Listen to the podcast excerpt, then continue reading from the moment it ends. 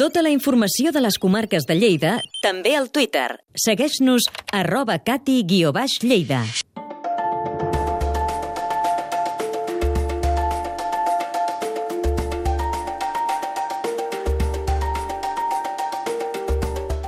Avui us expliquem la visita que hem fet a les últimes excavacions que s'han fet al Parc Arqueològic de Guissona.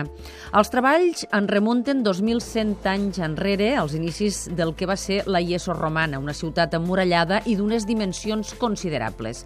La campanya ja s'ha tancat aquest any i s'hi tornarà a treballar al juny de l'any que ve.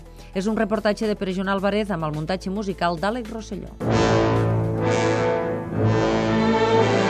Al costat de les termes que es conserven de la Ieso romana han començat a aflorar restes de les cases de l'època fundacional, unes estructures que es podran veure més bé en pròximes campanyes. Josep Guitar, director de les excavacions. De les primeres cases de la ciutat de Ieso, eh, que es puguin quedar a la vista i es puguin veure d'alguna manera com un exponent d'aquests primers moments de la ciutat. Eh? La ciutat romana de Ieso va ser fundada a l'any 100 abans de Crist, 100 anys abans que Barcelona gairebé. Aquesta tardor també s'ha treballat al costat de la muralla per fer-la més visible. Les excavacions excavacions també permetran saber els usos d'un edifici situat fora de la fortificació romana.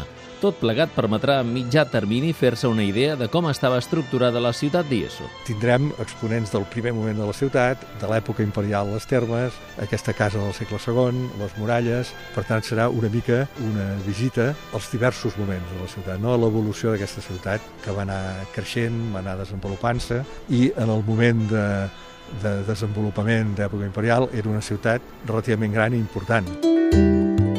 El director del Museu Eduard Camps de Guissona, Josep Ros, ha dit que unes 10.000 persones visiten anualment l'equipament i el jaciment que hi ha al costat. És un museu molt actiu, vull dir, realment tenim normalment autocars cada dia, eh, eh, que combinen el que és la visita cultural amb la visita també industrial. A més, també tenim una part molt interessant que és la, que ens dediquem molt, que és la part didàctica. Ens interessa molt que vingui el públic escolar, perquè és un jaciment que on es pot aprendre clarament com és una ciutat romana, aquí és urbanisme romà 100%. El parc arqueològic, que té prop de dues hectàrees, es va inaugurar l'any 2011.